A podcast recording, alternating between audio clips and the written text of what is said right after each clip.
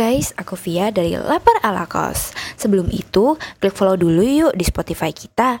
Dan jangan lupa ikutin terus kita di sosial media lainnya seperti Instagram, Youtube, dan juga Twitter. Halo guys, jadi pada hari ini di podcast ini aku ingin membahas soal dietnya anak kos. Saya judul lah ya.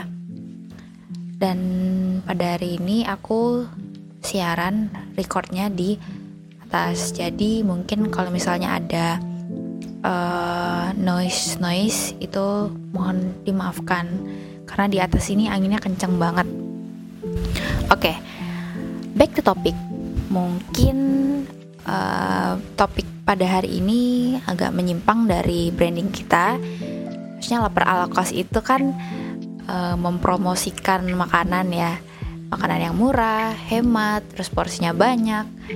Tapi di topik kita pada hari ini tuh kita nggak bahas soal makanan, melainkan kita membahas soal bagaimana cara menjaga makan. Ya namanya diet ya. Tapi aku percaya banget di sini banyak anak kos yang juga pejuang diet, sama kayak saya. Uh, mungkin aku mau ceritain dulu sedikit tentang aku uh, aku Via kayak yang udah aku sebutin di, awal tadi. Aku mulai ke kos itu dari uh, bulan Mei di tahun 2022 nah sebelum itu di zaman SMA aku sempat uh, melakukan program diet dan alhamdulillah it works. Beratku turun sampai 12 kilo Jujurnya, pada awal-awal ngekos, itu semuanya masih berjalan normal. Masih berjalan bahagia, dan aku masih jadi orang yang menjaga makan. Nah, yang menjadi titik balik kenapa aku menjadi seperti ini, karena pada saat itu aku sempat sakit.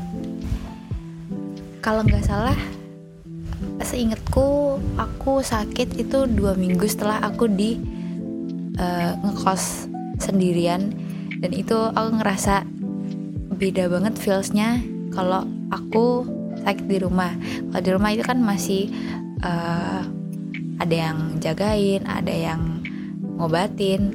Tapi di sini aku sendiri dan aku bingung harus ngapain karena kalau aku sakit itu beneran gak bisa ke mana-mana kalau dulu itu habis aku sakit aku masih uh, apa ya masih menjalankan program dietku masih ya jaga makan lah masih ingat kalau aku itu diet. Tapi pas aku uh, sakit di kos sendiri dari situ aku mulai kapok dan aku benar-benar kalap aku nggak kepikiran kalau aku diet dan aku uh, berusaha untuk tidak uh, kosong tidak punya perut yang kosong barang sedetik pun. Pokoknya aku harus makan biar aku nggak sakit lagi. Nah setelah itu barulah aku sadar kalau beratku naik uh, awalnya itu aku punya berat badan 48 dan setelah aku sakit itu aku nimbang ternyata beratku naik sampai 59 kilo. Which is itu mendekati beratku di awal banget sebelum aku diet SMA itu aku sedih banget. Dan sampai di titik itu Untungnya aku tersadar dan aku kembali diet dan juga olahraga. Nah, sampai bulan kemarin itu aku ya baru turun 2 kilo. Lumayan sih. Jadi uh, tapi di bulan ini aku gak tahu lagi kayak kalap lagi, nggak sekalap dulu tapi karena mungkin kegiatanku di bulan ini banyak dan juga uh, banyak tugas juga. Aku, jadi aku ngerasa stres dan mulai makan banyak lagi tanpa memikirkan. Yang penting aku tidak stres dan bisa ceria lagi setelah makan. Tahu ya mungkin kegiatanku yang menjadi favorit itu makan. Dan aku ngerasa bahagia kalau makan. Sebenarnya ya menurutku diet sambil ngekos itu adalah kombinasi yang cocok karena ini mulai dari makanan aja nih kamu bisa hemat. Kalau diet kan kayak banyak pantangannya gitu ya. Terus e, mengharuskan buat makan sayur terus protein ya kamu tinggal beli aja telur terus juga sayur itu kan murah ya. Terus juga kalau e, di ngekos itu kayak apa-apa itu kita ngelakuin sendiri pekerjaan rumah kita lakuin sendiri kayak nyuci, ngepel, nyapu dan sebagainya itu kan jadi apa ya jadi olahraga juga lah buat kita. Sebenarnya ini ya konsepnya itu gampang. Cuman fakta lapangannya itu yang berbicara lain.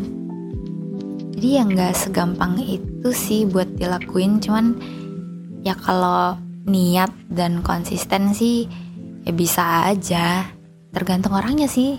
Niat. Itu kuncinya niat dan konsisten.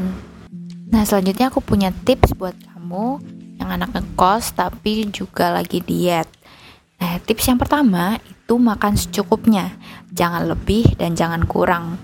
Ingat sebanyak apa pun aktivitas kamu kamu jangan lupa makan dan juga stres apa pun kamu, jangan kebanyakan ngemil.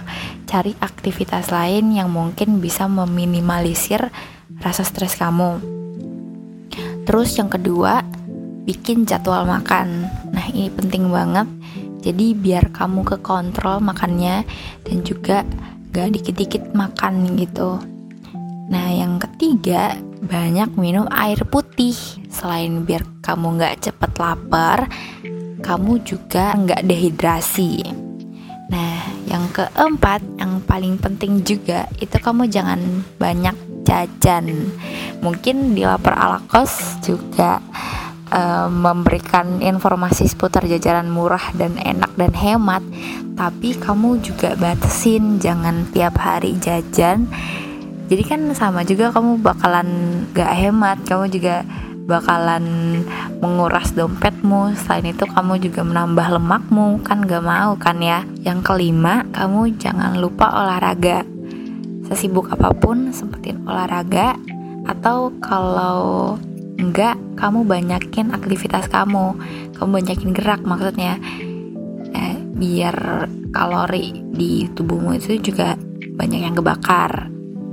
Nah selanjutnya yang keenam jalan kaki ke kampus minimal dua kali seminggu. Kalau aku sendiri, aku kan gak punya kendaraan ya. Jadi aku tiap hari itu kalau ngampus itu aku selalu jalan kaki pulang pergi. Atau kalau ada temen yang mau nebengin, ya aku nebeng. Nah tapi kalau kamu yang punya kendaraan, mungkin uh, satu atau dua kali, ya minimal dua kali lah ya. Kamu jangan naik kendaraan terus. Kamu jalan kaki pulang pergi gitu. Kan lumayan juga kan kayak buat hemat bensin duitnya. Nah yang selanjutnya jarangin nongkrong. Ini nongkrong itu tuh kayak aduh ini tuh sebenarnya nggak berguna sih. Cuman kayak boleh lah sekali-sekali. Tapi kalau keseringan ya jangan juga kalau misalnya nongkrong itu pasti kamu bakalan keluar banyak banget. Kayak misalnya kamu beli minuman aja pasti minimal 10 ribu gitu kan. Terus belum lagi nanti kalau kurang pesen lagi. Itu kan ya bisa bikin uang mau habis juga. Kalau 10 ribu di tempatku itu bisa dapat geprek terus dapat es teh juga kan lumayan Nah, selanjutnya, dua dari yang terakhir, tidur yang cukup, minimalkan begadang. Sebenarnya ini tamparan dan uh, teguran juga sih buat aku. Pokoknya jangan begadang. Ini pesan juga buat aku. Karena aku suka banget begadang bahkan sampai subuh itu nggak sehat banget. Jadi kurangin begadang biar energi kita juga uh, biar badan tetap fit energi kesimpan buat pagi ya gak baik deh pokoknya kalau bangun siang-siang atau tidur pagi itu rasanya gak enak badan gak enak banget badan jadi sakit semua. Ya gitu sih. Itu sih yang aku rasain selama beberapa hari ini. Karena ngerjain tugas aku begadang terus jadi badan remuk semua. Sebenarnya aku nggak mau tapi karena kebiasaan juga mungkin ya jadi keseringan. Dan yang terakhir yang paling penting dari semuanya kunci kesuksesan dari diet dan menghemat uang bulanan yaitu niat dan konsisten. Kalau kamu nggak niat dan kamu juga nggak ada konsistenan ya kamu bakal balik lagi ke habit lamamu. Kamu bakal boros terus kamu juga bakal menambah lemak dan itu sangat amat tidak sehat dan tidak direkomendasikan lebih baik membangun habit yang sehat untuk ke depannya Oke okay guys, itu dia tadi cerita tentang dietnya anak kos dan juga beberapa tips biar dietnya lancar dan bisa menghemat uang bulanan. By the way, aku juga mau dong denger cerita kalian. Boleh banget DM ke kita di Instagram atau di Twitter @laparalakos. Kalian juga boleh kok cerita yang lain. Oh iya, pantengin terus juga akun sosial media kita yang lain supaya nggak ketinggalan konten-konten menarik lainnya. Ini dia podcastnya Anak Kos. Sampai jumpa di podcast selanjutnya. Bye bye, see you.